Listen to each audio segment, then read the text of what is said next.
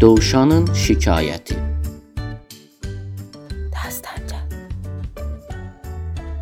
Kol dibində balaca dovşan oturmuşdu və yavaşca ağlayırdı.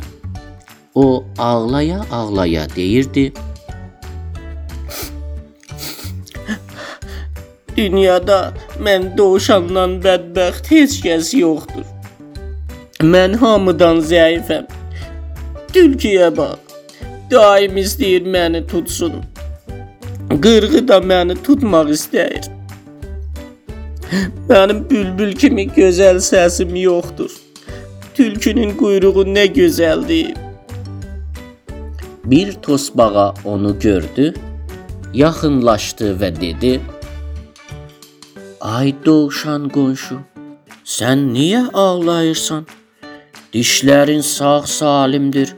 Qulaqların hər səsi tez eşidir. Ayaqların var ki, tov ilə qaça bilirsən. Gözlərin çox da gözəldir.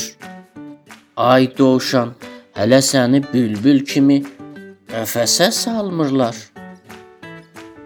Dovşan gözünün yaşını sildi və dedi: Quyruğum tülkünün quyruğu kimi uzun olsaydı, it dalıma düşəndə mənim quyruğumu qoparardı. Tanrı mənə çox nemətlər verib. Haqq səninlədir, Tosbağa. İndi ki xoş baxıram, görürəm mən bir çoxundan gözələm və çox da zəif deyiləm. Tosbağa dedi: Hər kəsin bir xoşluğu var.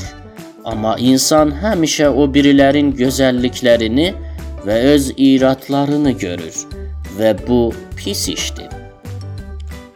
Dovşan qoca tosbağadan təşəkkür elədi və oynaya-oynaya uzaqlaşdı.